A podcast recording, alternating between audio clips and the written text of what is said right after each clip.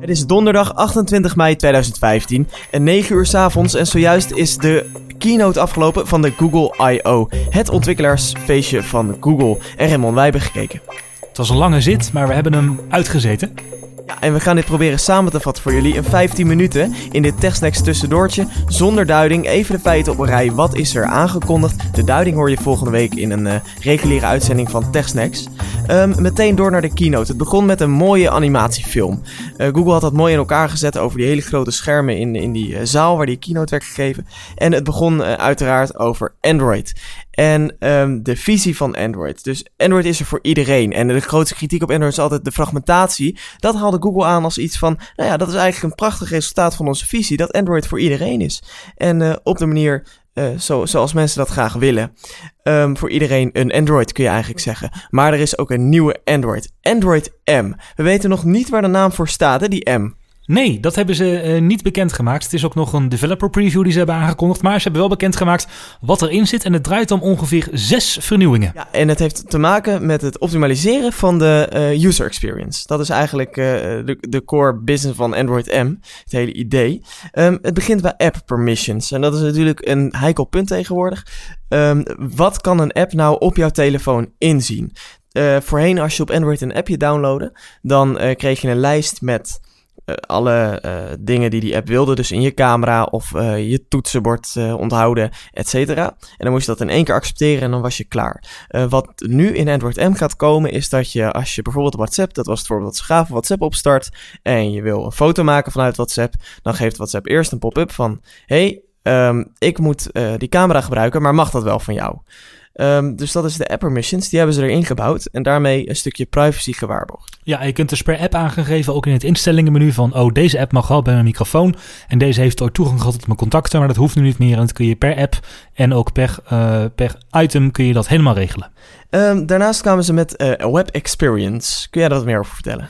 Ja, heel veel apps die gebruiken een combinatie van uh, native code, dus echt Android uh, geoptimaliseerde code.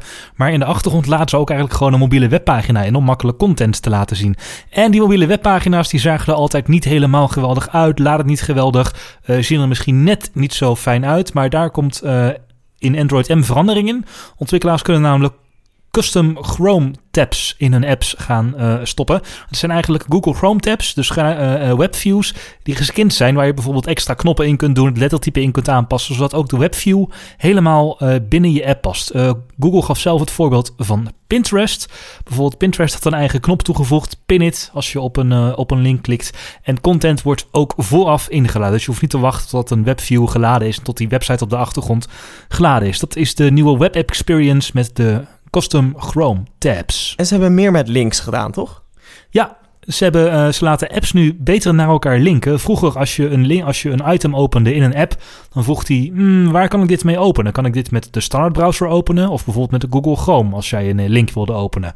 Nou, dat wordt nu ook verleide tijd, want uh, je kunt direct naar de juiste app doorgestuurd worden. Dat kan uh, ingesteld worden uh, per app. Dus als de app bepaalde content heeft die bijvoorbeeld in de SoundCloud-speler geopend moet worden, dan hoef je maar op die link te drukken en de SoundCloud-app die opent automatisch en gaat ook naar het juiste scherm. En hoe wordt nou voorkomen dat een app kan zeggen: Ha, ik ben nu lekker de app die alles mag en die alles gaat openen. Nou, dat wordt door Google geverifieerd met een zogenaamde hash. Dus het is wel veilig. Een mooie veilige oplossing. En wat ook veilig is, is Android Pay. Het zat er een beetje aan te komen. De betalingsdienst uh, van uh, Google. Android ja. Pay uh, gaat draaien om simplicity, security en choice. Je kan overal bij een NFC betaalterminal straks met Android Pay betalen. En de techniek daarachter is wel interessant. Dat kennen we al een beetje van Google Wallet. Maar als jij je creditcard eraan koppelt, dan wordt daar digitaal dus een soort van ander nummer aangemaakt. Nou, um, Kortom, die communicatie tussen die terminal en jouw telefoon is veilig. Gaan we het later in TechSnacks uh, nog over hebben. Dus luister dan de volgende aflevering als je daar meer over wil weten. Um, ook de fingerprint support is met Android Pay uitgebreid. Um, vingerafdrukregistratie, want al die telefoons krijgen tegenwoordig ook uh, vingerafdrukscanners. Die registratie is opengesteld voor alle ontwikkelaars. Dus uh, ongetwijfeld is dat ook een functie voor Android Pay. waarmee je nog even extra kan verifiëren dat jij dat bent. Ja, dat liet dus, dat liet dus inderdaad zien uh, ja. om te betalen, je vingerprint erop leggen, telefoon tegenaan houden.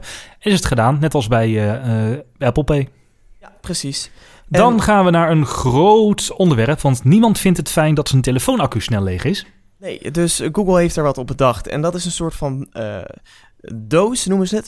Het is niet een soort van doos, ik verspreek me. Het is een soort van powernap functie, maar ze noemen het doos. Um, en uh, dat betekent dat je telefoon veel langer in standby kan staan. Het is een soort van actief slapen. Dus die telefoon die is in een uh, hele lage uh, stand van activiteit. Maar als er iets gebeurt, dan gaat hij wat doen. Dus dan um, gaat er wat meer lopen en gaat er, wordt er iets meer accu verbruikt. Maar daarmee kunnen ze tot twee keer langer de telefoon in standby laten staan. Ja, er blijft, je moet het zo zien, er blijft uh, één lijntje met Google blijft openstaan en daar komen de belangrijke dingen doorheen. En zodra er iets is wat door het lijntje komt wat meer activatie vereist, dan gaat de telefoon weer uh, meer notificaties ontvangen, meer synchroniseren. En hij bepaalt zelf eigenlijk van, oh ik lig nu uh, stil en ik word niet gebruikt, dus ik kan nu in die doosmodus, wat ik dan power nap even noem voor het gemak. En mocht die dan toch op zijn, uh, dan kan er vanaf, uh, vanaf als de nieuwe Google-telefoons uitkomen, kan er met USB-C worden opgeladen. Dus ja! Um, de nieuwe standaard, want dat gaat veel sneller, zegt Google, met een USB-C-kabel opladen. En je kan natuurlijk ook makkelijk dan met je MacBook 12-inch oplader je maar goed, dat terzijde, dat is nu niet relevant. Nou ja, en, en, wat, en wat ook cool is, is dat je kan kiezen of de connector je telefoon op moet laden.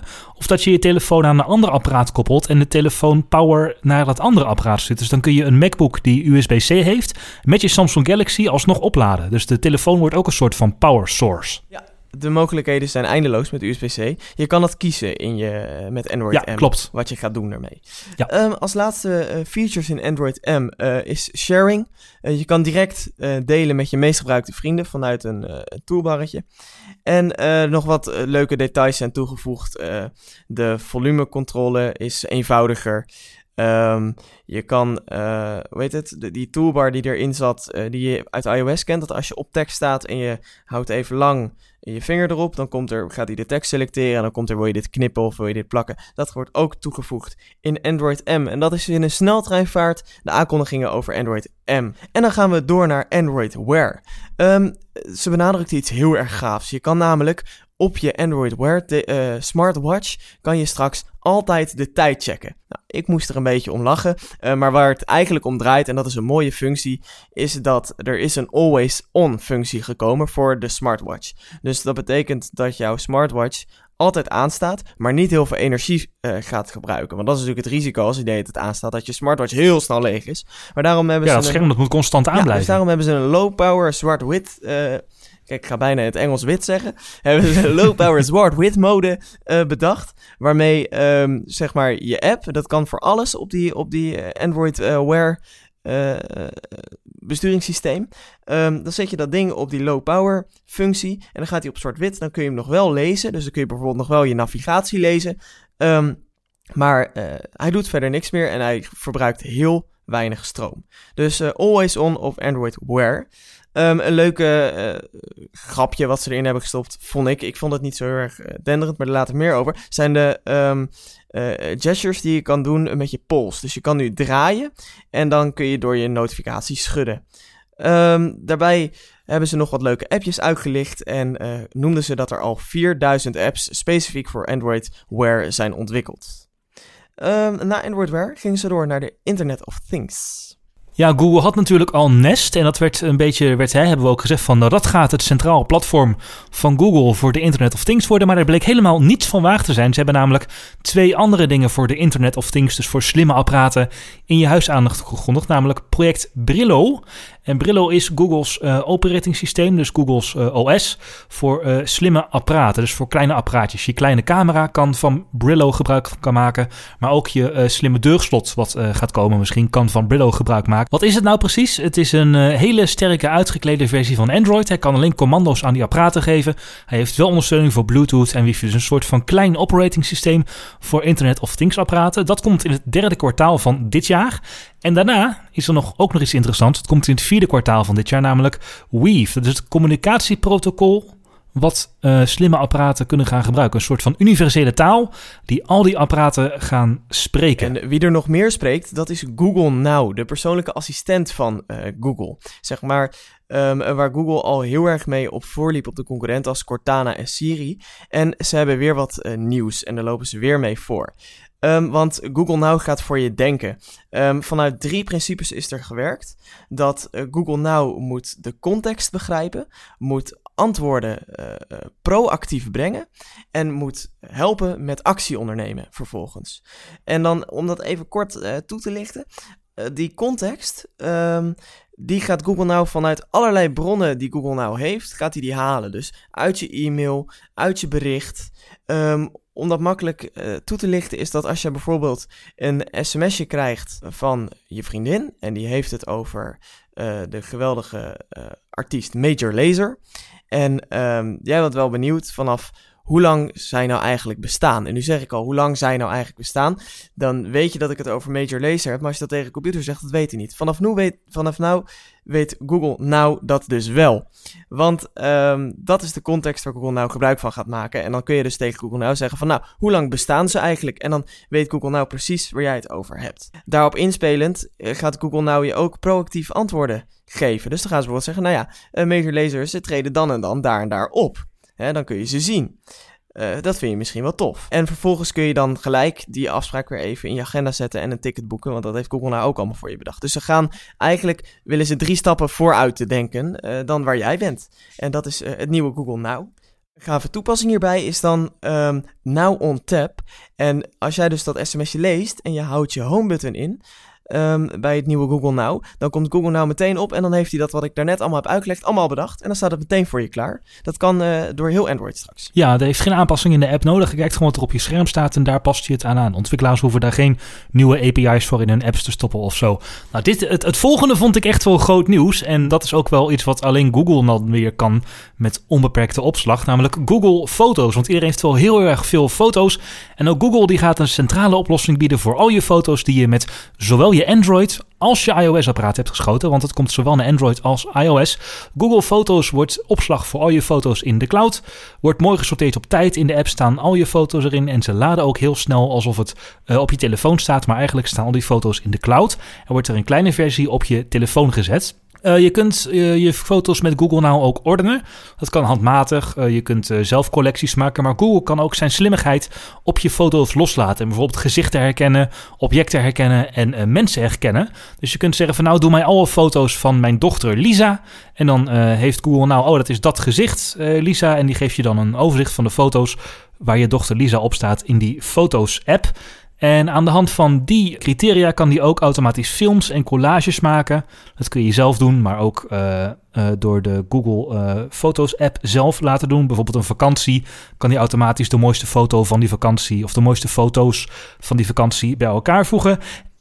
Je kunt foto's delen via webalbums. Je kunt naar iedereen een link sturen. Met, als je zegt ik wil dit album delen, vanuit mijn Google Foto uh, app, dan kun je dat met iedereen, of ze nou uh, wel een uh, Google smartphone hebben of gewoon een Windows computer, kun je meteen delen. En het mooie is, als iemand hem vanaf zijn smartphone opent met Google Foto's erop, dan kun je meteen die collectie die je hebt gedeeld, kan hij meteen direct opslaan vanuit de webbrowser in zijn eigen fotobibliotheek. En het mooie is, unlimited storage. Ja, dat is wel echt uniek. Um, daarbij moet je wel even in je achterhoofd houden dat when it's free, you're the product. Dus uh, op welke manier Google daar geld aan gaat verdienen, is nog even de vraag. Ja, het is vanaf vandaag beschikbaar. En inderdaad, wat je bij dat unlimited photo storage even moet afvragen, is wie nou eigenlijk de eigenaar wordt van jouw foto's. Dus wordt dat Google of blijf jij gewoon de copyright en het uh, gebruiksrecht houden. Is het momenteel nog niet duidelijk, want de dienst is nog niet online en komt waarschijnlijk. En later komen we daar in een reguliere aflevering op terug hoe het met de privacy daarvan zit. Ja, dus een gave, desalniettemin een gave uh, dienst. Um, daarna kwam er een heel verhaal over hoe Google zich richt op uh, ontwikkelingslanden en het internet brengen en services brengen naar, naar landen waar internet nog niet heel erg vanzelfsprekend is. Ja, daar zijn ze heel erg druk mee, maar waar ze nog veel drukker mee waren, waren developers, developers, developers. Ja, zoals de ex-CEO van Microsoft zou zeggen. Google gaat Android Studio flink onder handen nemen. Uh, Android Studio 1.3 komt uit, wat sneller kan compilen, ondersteuning heeft voor C en C++ en uh, meer error correction en code correction heeft. En ook Polymer komt uh, naar versie 1.0 tot een beta. Daarmee kun je heel snel webapps maken.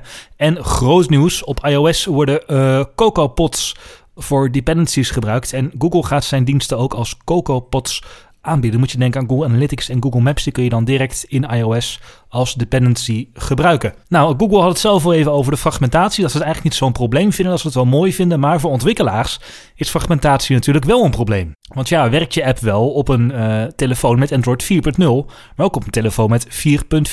Nou, voorheen moest je als ontwikkelaar al die telefoons zelf hebben, maar daar komt Google nu met een handig antwoord op. Namelijk testen in de cloud. Je kunt je app uploaden naar de cloud van Google en die test het op de 20 meest gebruikte Android-toestellen van dat moment. En je krijgt automatisch schermopnames en screenshots en error reports terug als er iets fout gaat. Dat uh, gaat het een uh, stuk makkelijker maken voor ontwikkelaars om uh, apps te maken die op alle Android-versies werken. Tot zover het ontwikkelen. Dan wilde Google ook nog graag dat je apps meer gebruikt worden. Dat noemen ze Engage. En daarvoor komt onder andere een nieuwe cloud messaging dienst die ook op iOS gaat werken. Dus je kunt met Google eigenlijk heel makkelijk je gebruikers op iOS en Android push notificaties sturen en uh, dat ook afhankelijk maken van interesses van die gebruikers. Dus een soort selectieve push notificaties vanuit Google. Uh, notificaties kunnen ook vanaf het web verstuurd worden, vanuit het mobiele web. Uh, en je kunt in Android een, app, een webapp op je homescreen gaan plaatsen. Daarnaast is er nog uitgebreid uh, aandacht besteed aan hoe ontwikkelaars mensen naar hun apps toe kunnen trekken, dus via advertenties. Er worden nieuwe mogelijkheden voor advertenties uitgebracht. De Google Developer Console laat nu ook de conversie van verschillende advertenties zien bijvoorbeeld. En je kunt in de Google Play Store gaan testen met verschillende plaatjes, omschrijvingen en iconen. En dat is wel mooi, want dan kun je als ontwikkelaar zeggen van nou, ik pak drie screenshots en ik kijk vanaf welk screenshot mijn app het meest wordt geïnstalleerd. Dus wat het beste converteert. En als laatste kun je op de Google Play Store als ontwikkelaar nu je eigen homepage maken. Dus een mooi gestaalde pagina in jouw eigen huisstijl met erop al je apps. Gesproken over de Play Store, die groeit aardig hè? Ja, er zijn nu 1, meer dan 1 miljard mensen die de Play Store gebruiken. En daaronder zijn heel veel families. En daar heeft Google wat nieuws voor bedacht. Uh, de, de ja, familie Ster noemen ze dat. Het is een kindvriendelijke uh, sectie. En ja, familievriendelijke sectie eigenlijk. In de Play Store. Waar je als ouders controle kan hebben over welke apps jouw kind voorgeschoten kan krijgen. Dat is een leuke toevoeging en zeker handig voor ouders. Dat was het over de Play Store in deze. Wat heel gaaf is, is dat Google ook verder is gegaan met virtual reality. Um, we waren even bang dat ze niks meer zouden doen. Hè, toen de Google Glass werd teruggehaald en zo. Maar de geruchten waren alweer anders. En nu is dat ook uh, het geval op de Google I.O. Want daar is een stuk over virtual reality gaan en wel over de Google Cardboard. Ken je dat nog? Ja, dat, dat, dat leuke... Uh, um, wat was het ook alweer? Van karton was het gemaakt, waar je je telefoon in kon schuiven en een soort van mini Oculus Rift had. Dan kun je dus virtual reality eigenlijk voor 20 uh, euro heb je dat in huis, uh, als je je smartphone daarbij neemt. En um, er zijn nu al, hou je vast, meer dan 1 miljoen mensen die zo'n cardboard dingetje uh, hebben aangeschaft en uh, gebruiken. Ja, het is ook echt super leuk om te doen natuurlijk. Ja, daar was Google heel trots op. En daarom zijn ze het gaan uitbouwen. Er is een nieuwe cardboard uh, viewer, zo heet dat dingetje dan, dat, dat kartonnen apparaatje, en voor grotere telefoons ontwikkeld. Dus je kan nu tot 6 inch telefoons kun je erin doen. En hij is in drie stappen in elkaar te zetten. Hij heeft ook een betere knop voor de bediening. En de SDK komt naar iOS. Dus buiten Android kunnen ook iOS-gebruikers uh, met Cardboard gaan spelen. Ja, en ook je iPhone 6 Plus, die past er dus door het nieuwe ontwerp gewoon in. En uh, daarnaast wilde Google zich gaan toeleggen op het onderwijs met Cardboard. En daarvoor hebben ze Expeditions bedacht. Ze hebben een, uh, een doos met drie lades. En daar zitten uh, cardboards, telefoons voor alle leerlingen in en een tablet voor de leraar. En dan kan de leraar de hele klas meenemen uh, op een uitje via virtual reality. Wow, toen ik kleuter was waren we blij met een paint op de computer, man. Ja, dat, daar moest ik ook nog even aan terugdenken, inderdaad. Daarnaast, om nou die content ook te kunnen gaan realiseren, heeft Google Jump bedacht. Oh, dit is zo vet. En Jump is een toolkit eigenlijk voor jou als gebruiker um, van die virtual reality films te gaan maken. Samen met GoPro hebben ze een uh, camera rig gemaakt waar je 16 GoPro cameraatjes in kan in, in een cirkel. En um, nou, dan kun je dus daarmee die opnames maken. Ziet er allemaal super kicken uit. Met de assembler kun je die, al die verschillende opnames ook tot één super gaaf, uh, ja, bijna 3D-achtig 360 graden beeld vormen. Dus daarmee maak jij en helpt Google jou om uh, die film ook echt te maken. En vervolgens kun je hem gewoon op YouTube zetten, want uh, Google heeft op YouTube een player gelanceerd speciaal voor deze virtual reality films. heel veel nieuws voor Google Cardboard dus. En ja, nu het zo wijd verspreid gaat worden, denk ik dat we ze steeds meer gaan zien. Ja, en het leuke is dat het vanaf de zomer beschikbaar is. Dan kun je die rig van GoPro dus ook gaan kopen standaard. Maar je kunt hem ook zelf bouwen, want ze gaat het ontwerp gewoon open sourcen. Want zo is Google dan ook weer wel, hè. Nou, dat was de Google I.O. 2015. Twee en een half free keynote voor jou samengevat in 20 minuten in een TechSnacks tussendoortje. Volgende week is er weer een gewone TechSnacks met meer nieuws, opinie en achtergronden. En dan spreken we je graag weer. Oh, en dan gaan we ook vooruitblikken op Apple's WWDC. Want ook dat ontwikkelaarsfeestje komt eraan. Tot volgende week. Volgende week.